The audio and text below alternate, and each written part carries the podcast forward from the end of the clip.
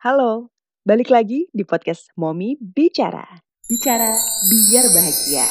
Bersama saya Fitriani Rahman di Jumat minggu kedua bulan September, saatnya sesi Profesi Mami. Mengulik sisi perempuan yang sebagai ibu sekaligus berkarya untuk orang lain. Di episode kali ini, saya ngobrol sama seorang teman, seorang ibu yang juga menjalani sebuah, hmm, bahkan dua buah profesi sekaligus di sebuah universitas di Jakarta Timur. Siap menyimak obrolannya? Cus!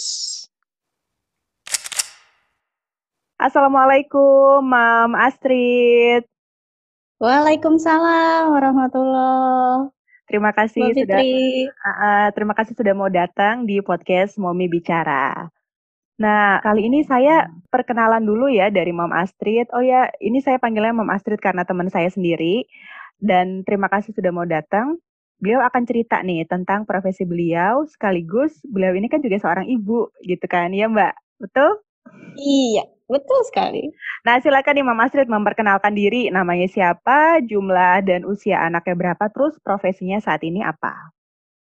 Oke, selamat siang semua. Assalamualaikum. Saya seorang ibu rumah tangga yang memutuskan untuk berkarir, memiliki profesi sebagai seorang pustakawan dan staf pengajar juga, dosen di sebuah universitas di Jakarta Timur. Oke, eh, anaknya? Ya, alhamdulillah baru satu. Umurnya tujuh tahun, baru satu SD. Udah kelas 1 SD. Iya betul. Nah, kalau boleh tahu, ini nikah dulu apa baru jadi dosen dan pustakawan? Nikah dulu, Hmm, nikah dulu. Nikah udah 10 tahun. Oh, nikah 10 10 tahun. tahun baru Iya. jadi dosen ya?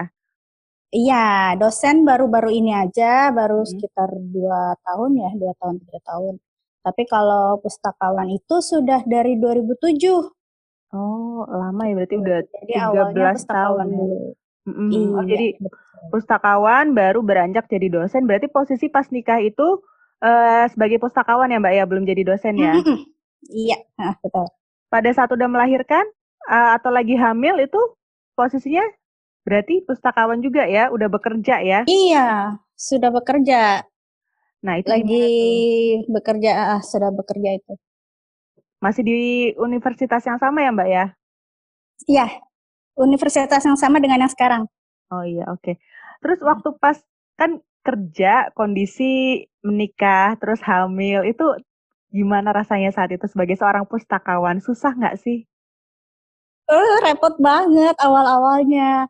Ya, kalau bisa di apa ya bisa dibayangkan gitu namanya seorang pustakawan kerja kita kan sambil nguli ya. Jadi beresin buku, apa ngangkat-ngangkat buku, sedangkan kondisi hamil gitu perut besar. Jadi ya ya nggak apa-apa sih dinikmatin aja. Alhamdulillah semua berjalan dengan lancar gitu. Jadi profesi Walaupun pustakawan berat. berat fisik juga ya ternyata ya, jadi Iya. pustakawan ya. Bukan Iya betul. profesi yang cuma duduk gitu ya Mbak ya. Iya betul. heeh. Selain itu yang jadi tantangan ketika hamil sebagai pustakawan apa lagi? Orang tua sendiri ngedukung nggak sih sebenarnya untuk eh, kamu lagi hamil nggak cuti dulu apa gimana gitu? Nggak, nggak ada seperti itu.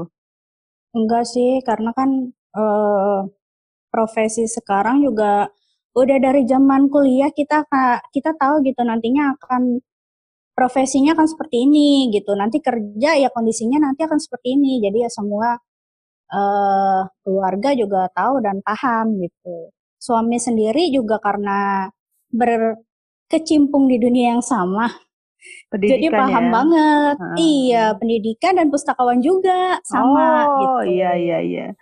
Otomatis Jadi suami ya mensupport tahu. ya. Heeh. Iya.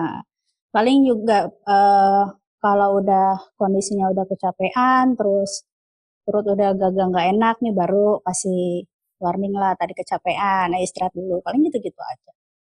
Kalau dari segi pemberi profesinya, bukan pemberi profesi, maksud saya berarti di sini universitasnya ya. Itu ketika Mm-mm. tahu bahwa Mbak Astrid ini kondisinya lagi hamil, dan sebentar lagi melahirkan, ada perubahan nggak? Apakah jam bekerjanya jadi dikurangin atau jadi ditambahin asisten gitu? Nggak ada. Dari kampus nggak ya? nggak ada, nggak ada. Ya tetap aja kayak gitu. Malah kalau boleh curhat sedikit, makanya oh. pada akhirnya uh. anakku itu lahir prematur ya karena itu. Hmm, beban kerjanya sama ya? Iya, heeh, Walaupun gitu. kondisinya udah lagi hamil gede. Iya, lagi hamil besar, terus uh, kita ngangkat-ngangkat buku, naik turun tangga gitu kan. Aduh. Uh, ya udah, akhirnya kontraksi duluan, prematur deh. Hmm. Pecah ketuban duluan. Di kampus itu pecah ketubannya? Iya, di kampus. Oh, ya di kampus terus akhirnya pulang langsung ke rumah sakit hari itu juga nggak pulang lagi ke rumah dua minggu baru pulang ke rumah dengan membawa bayi bener-bener unpredictable ya tuh, iya bener anakku tuh lahir nggak ada nggak ada rencana apa-apa karena kan masih masih lumayan jauh ya baru 31 minggu aku oh iya iya iya bener-bener bener jadi belum ya ada persiapan apa-apa Orang kan biasanya 36 minggu ya baru mulai nyiap-nyiapin hospital hmm, bag iya. gitu ya. Benar-benar. Iya, benar. ini nggak ada sama sekali. Dan emang nggak pulang ke rumah juga gitu dari kantor langsung ke rumah sakit dan nggak boleh pulang lagi bed rest gitu. Total dua Main deh. Tapi itu Shock suatu pengalaman. Itu iya benar. Sempat cuti nggak habis itu Mbak? Lama cutinya? Iya kan cuti melahirkan tiga bulan ya tiga bulan tapi udah cuti melahirkan aja tiga bulan maksudnya nggak ada. Uh, misal kayak manggil siapa gitu buat terapi karena kan uh, maaf sebelumnya ya kalau anak prematur kan mungkin sebagai seorang perempuan sebagai seorang ibu saat itu ada perasaan gimana gitu mm. ada nggak perasaan seperti itu maksudnya ada ada, ada. banget uh, tapi uh, justru karena itu nggak mau dipegang siapa-siapa hmm. orang tuaku sendiri itu nggak berani pegang Oke. Gitu. Jadi kondisi bayi yang mungil banget. Jadi lahirnya itu uh, eh, BBLR ya. Berat Di, badan uh, lahir rendah ya. Berat, iya betul, hanya satu ah. setengah kilo. Jadi bisa bayangin satu setengah kilo itu se ini botol aqua. Ya, segitu dong. Iya aduh ya Jadi ya Allah. orang tua aku sendiri itu nggak berani pegang, nggak berarti nggak berani gendong. Jangankan orang tua suamiku juga cuma berani ngeliatin aja. Hmm. Jadi benar-benar full tiga bulan aku yang pegang, tapi ini alhamdulillahnya dia kejar tumbuh. Jadi satu bulan usia dia satu bulan itu eh apa namanya berat dia udah normal kayak bayi-bayi oh. lainnya yang usia satu bulan. Ah, alhamdulillahnya itu Tuh. ya mbak ya. Ya, jadi tiga bulan aku tinggal kerja lagi, dia udah normal kayak bayi-bayi yang lain. Dari keluarga gitu. atau dari Mbak Astrid sendiri pernah nggak sih kepikir ini nih gara-gara kamu masih kerja gitu nih, jadi anaknya kan enggak begini sih. gitu. Misalnya enggak, kan jadi jadi prematur, enggak ya nggak sampai digituin enggak. ya. Uh -uh. Jangan sampai, uh, stres banget kali kalau kayak gitu ya. Soalnya kan dari awal keluarga juga tahu ya ini pilihan Mbak Astrid untuk tetap bekerja walaupun iya. sudah menikah dan uh, sampai hamil melahirkan gitu ya. Dan keluarga support banget ya Mbak ketika terjadi ini ya, terjadi lahir prematur terus kemudian harus bed rest gitu ya. Suami, orang tua. Iya. Dari yang terdekat suami orang tua karena kan di sini aku hanya tinggal bertiga ya, sama suami sama ibu hmm. keluarga yang lain tuh jauh semua gitu. Ya dari yang jauh juga akhirnya support yang bisa datang ya datang ke sini gitu yang jauh nggak bisa ke sini ya tetap terus tiap hari pantau gitu. Alhamdulillah, alhamdulillah sih nggak nggak nggak ngerasa sepi gitu nggak ngerasa sendirian. Ketika anak mulai tumbuh nggak cuma anak bayi lagi yang katakan nyusu gitu ya udah mulai bisa diajak main lah atau belajar berjalan, itu kan jadi momi bekerja susah nggak sih Mbak ngadepinnya Mbak? Iya, iya banget. bagi waktunya sih yang bener yang yang kerasa ya, yang kerasa banget tuh bagi waktunya gitu. Tapi alhamdulillah di tempat kerja sekarang ini mungkin karena uh, universitas juga ya kita punya momen-momen yang bisa dibilang santai gitu. Jadi kalau hmm. waktunya libur masuk tetap tapi ya lumayan bisa agak santai lah gitu. Hmm. Itu di saat-saat kayak gitu sih yang bisa kita pakai buat di rumah buat main sama anak. Kalau Mbak Asri sendiri ada bantuan neni atau ART untuk jagain anak? Enggak, enggak, enggak ada, enggak ada.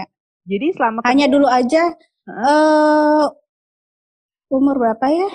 Tiga bulan, tiga tiga sampai delapan bulan deh waktu itu sempat.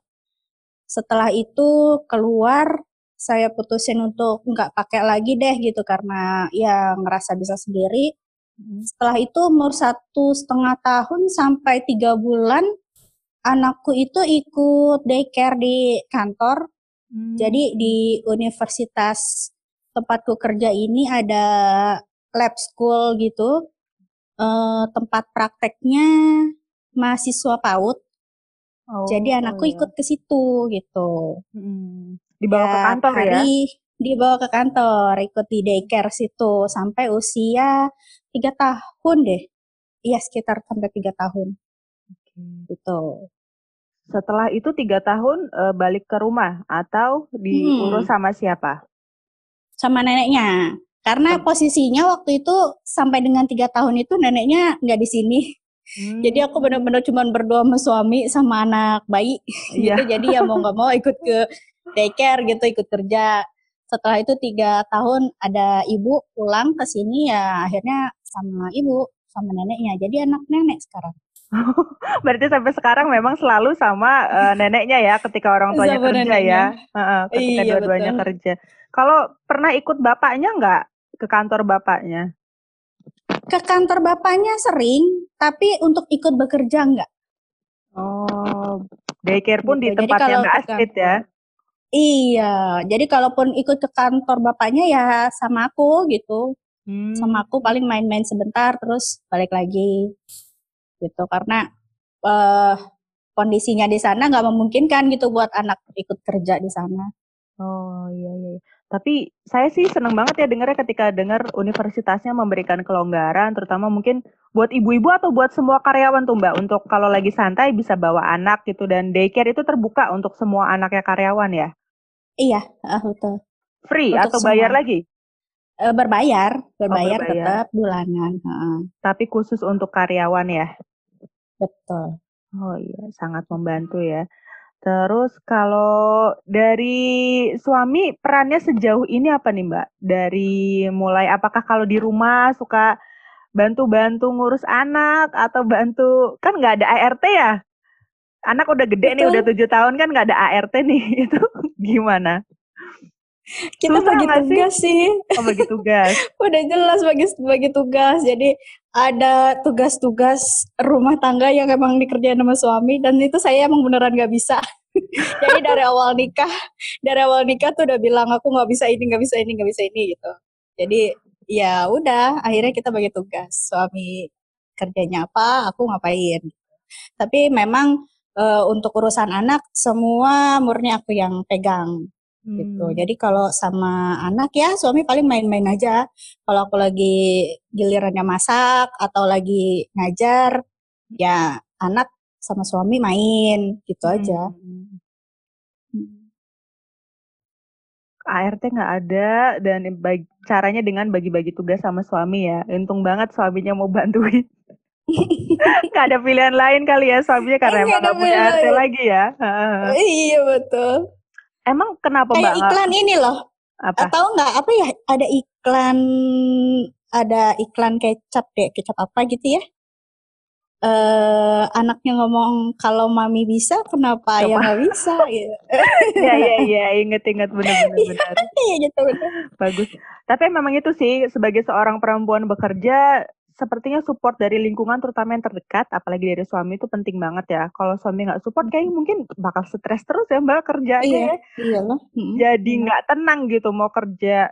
Kan harus bisa balance kan ya, ceritanya harus balance antara sebagai seorang ibu, sebagai seorang pustakawan dan dosen juga. Tapi pernah nggak sih ngerasa bersalah sama anak karena, aduh kayaknya gue minggu ini atau lagi momen-momen itu lagi jauh sama anak gitu. Uh, kayaknya gue terlalu fokus sama kerjaan. Pernah nggak ada perasaan bersalah gitu mbak? Sering banget sering banget. Jadi kalau teman-teman itu tahu universitas uh, ya sebuah lembaga pendidikan itu harus uh, punya apa namanya ya harus terakreditasi gitu. Hmm. Ya, ada sekolah terakreditasi ini, yeah. universitas terakreditasi ini. Nah, kalau udah mulai kita harus nyiapin akreditasi itu, mau nggak mau itu kita ya jauh dari anak lupa pulang itu pasti gitu sampai nginep-nginep nyiapinnya ya iya kayak gitu gitu ya alhamdulillah sih punya suami yang kerjanya juga sama kayak gitu gitu jadi kita ya saling paham deh saling ngerti. Kalau udah waktunya saya untuk akreditasi menghilang sebentar dari rumah gitu dari anak. Pada akhirnya so, uh, anak juga tahu gitu kenapa mami nggak pulang kenapa mami pulang malam.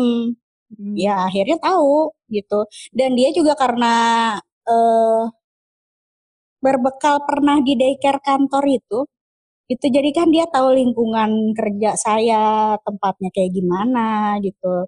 Teman-temannya teman-teman maminya kayak gimana itu dia tahu gitu. Jadi ya walaupun ada kondisi yang uh, pernah nggak pulang sibuk di kantor itu ya alhamdulillah sih dia juga paham.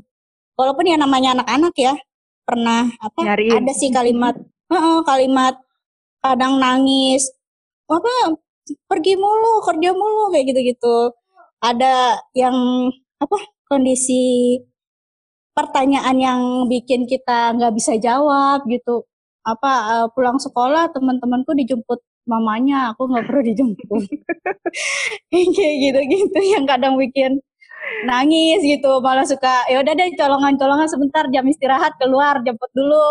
Hmm. walaupun jauh juga lumayan gitu pengorbanan ya, pengorbanan perjuangan seorang ibu demi nyenengin anaknya untuk berkarir tetap, tapi biar perhatian ke anak walaupun sedikit gitu ya.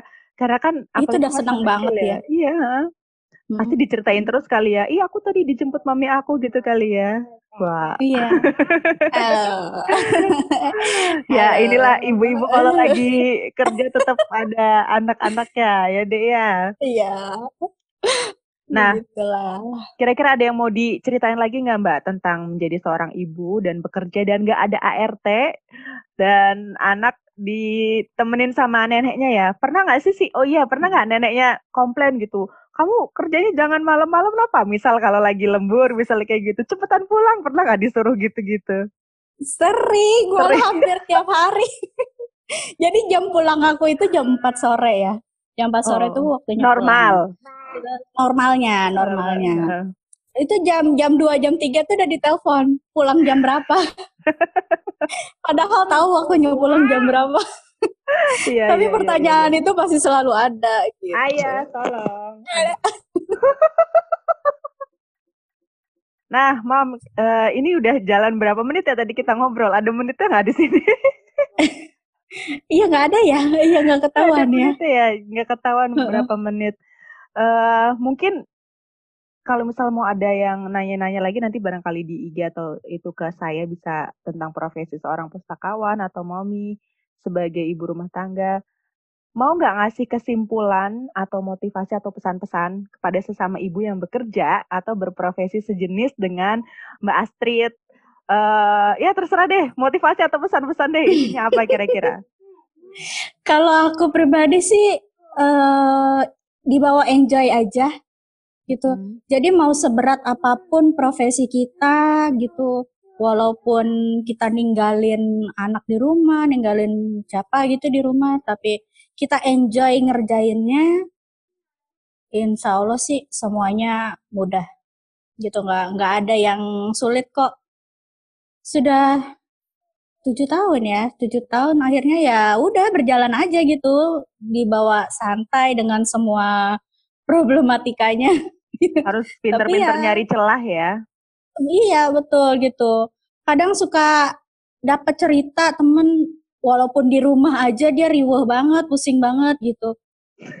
Dalam hati tapi ya kalau dibawa santai sih ya ya udahlah gitu toh hari-hari kita juga gitu. Mau ya mau mau di kalau mau diperberat eh, langkahnya ya pasti bakal berat gitu. Makanya saya sih untuk untuk jalanin hari-hari ya enjoy aja. Oke. karena dijalani akhirnya ternyata oh bisa kok. Ya mungkin kadang ada masalah ada masalah di tengah-tengah gitu ya mbak ya. Kayak misal tadi mau nggak mau harus akreditasi harus ninggalin anak sampai beberapa hari nggak pulang atau benar-benar fokus sama kerjaan tapi lama-lama anak akan ngerti ya dan yang utama banget support system di sekitar yaitu keluarga terdekat harus Bet. mendukung Oke, sekian dari saya seperti yang Mbak Astrid. Sekali lagi terima kasih sudah meluangkan waktu. Sama-sama. untuk ada di podcast Momi Bicara. Semoga teman-teman yang dengar bisa merasa terinspirasi dan juga merasa bahwa oh ternyata menjadi ibu bekerja itu sama beratnya sebagai seorang ibu. Toh ibu bekerja pun seorang ibu ya Mbak ya. Betul. Terima kasih sekali lagi. Semoga sehat selalu. Saya akhirnya sampai sini. Ya, assalamualaikum. Sama-sama. Waalaikumsalam. Hai moms, terima kasih loh ya yang udah dengerin sampai sini. Semoga obrolannya tadi bermanfaat dan bisa memberikan gambaran tentang profesi pustakawan juga dosen. Ternyata ya, satu hal yang utama itu adalah dukungan dari keluarga. Karena ibu bekerja itu kan di rumah harus mengurus keluarga dan di kantor ataupun di tempat bekerja ada juga yang harus diurusin. Apalagi ketika ada kejadian yang cukup membuat shock dan kejadian itu terjadi berkaitan dengan pekerjaan. Ketika keluarga tahu resikonya dan keluarga mendukung, itu insya Allah sebagai seorang ibu bekerja pasti akan lebih mudah untuk melewatinya. Betul? Insya Allah. Nah, buat semua momi yang masih bekerja, saya doakan semoga selalu diberi kekuatan sama Allah untuk berperan baik di tempat profesinya ataupun di rumah. Nah, Jumat berikutnya akan ada curhatan lagi nih mam dari teman momi. Saya ingetin buat momi yang pengen share tentang profesinya juga boleh. Mau curhat? Boleh. DM ke Instagram at Momi. Dan follow IG at Momi untuk intip-intip episode selanjutnya. Sekali lagi saya ucapkan semoga sehat selalu. Terima kasih buat yang sudah mau diwawancara dan juga buat mami yang mendengarkan. Oh, terima kasih juga buat yang sudah follow IG-nya, follower-follower baru. Uh, mari kita lihat. Terima kasih saya ucapkan kepada Clarissa Leri. Kemudian ada Citra underscore D, ada Dani Lufe, dan Astrid underscore Natasha, dan juga Interlude underscore Food untuk sudah follow Instagram at Mommy Bicara. Semoga konten-kontennya bermanfaat ya mam. Dan jangan lupa dengerin juga podcastnya. Akhir kata saya Fitri pamit undur diri. Sampai jumpa di Jumat berikutnya. Dadah. Wassalamualaikum warahmatullahi wabarakatuh. Bicara biar bahagia.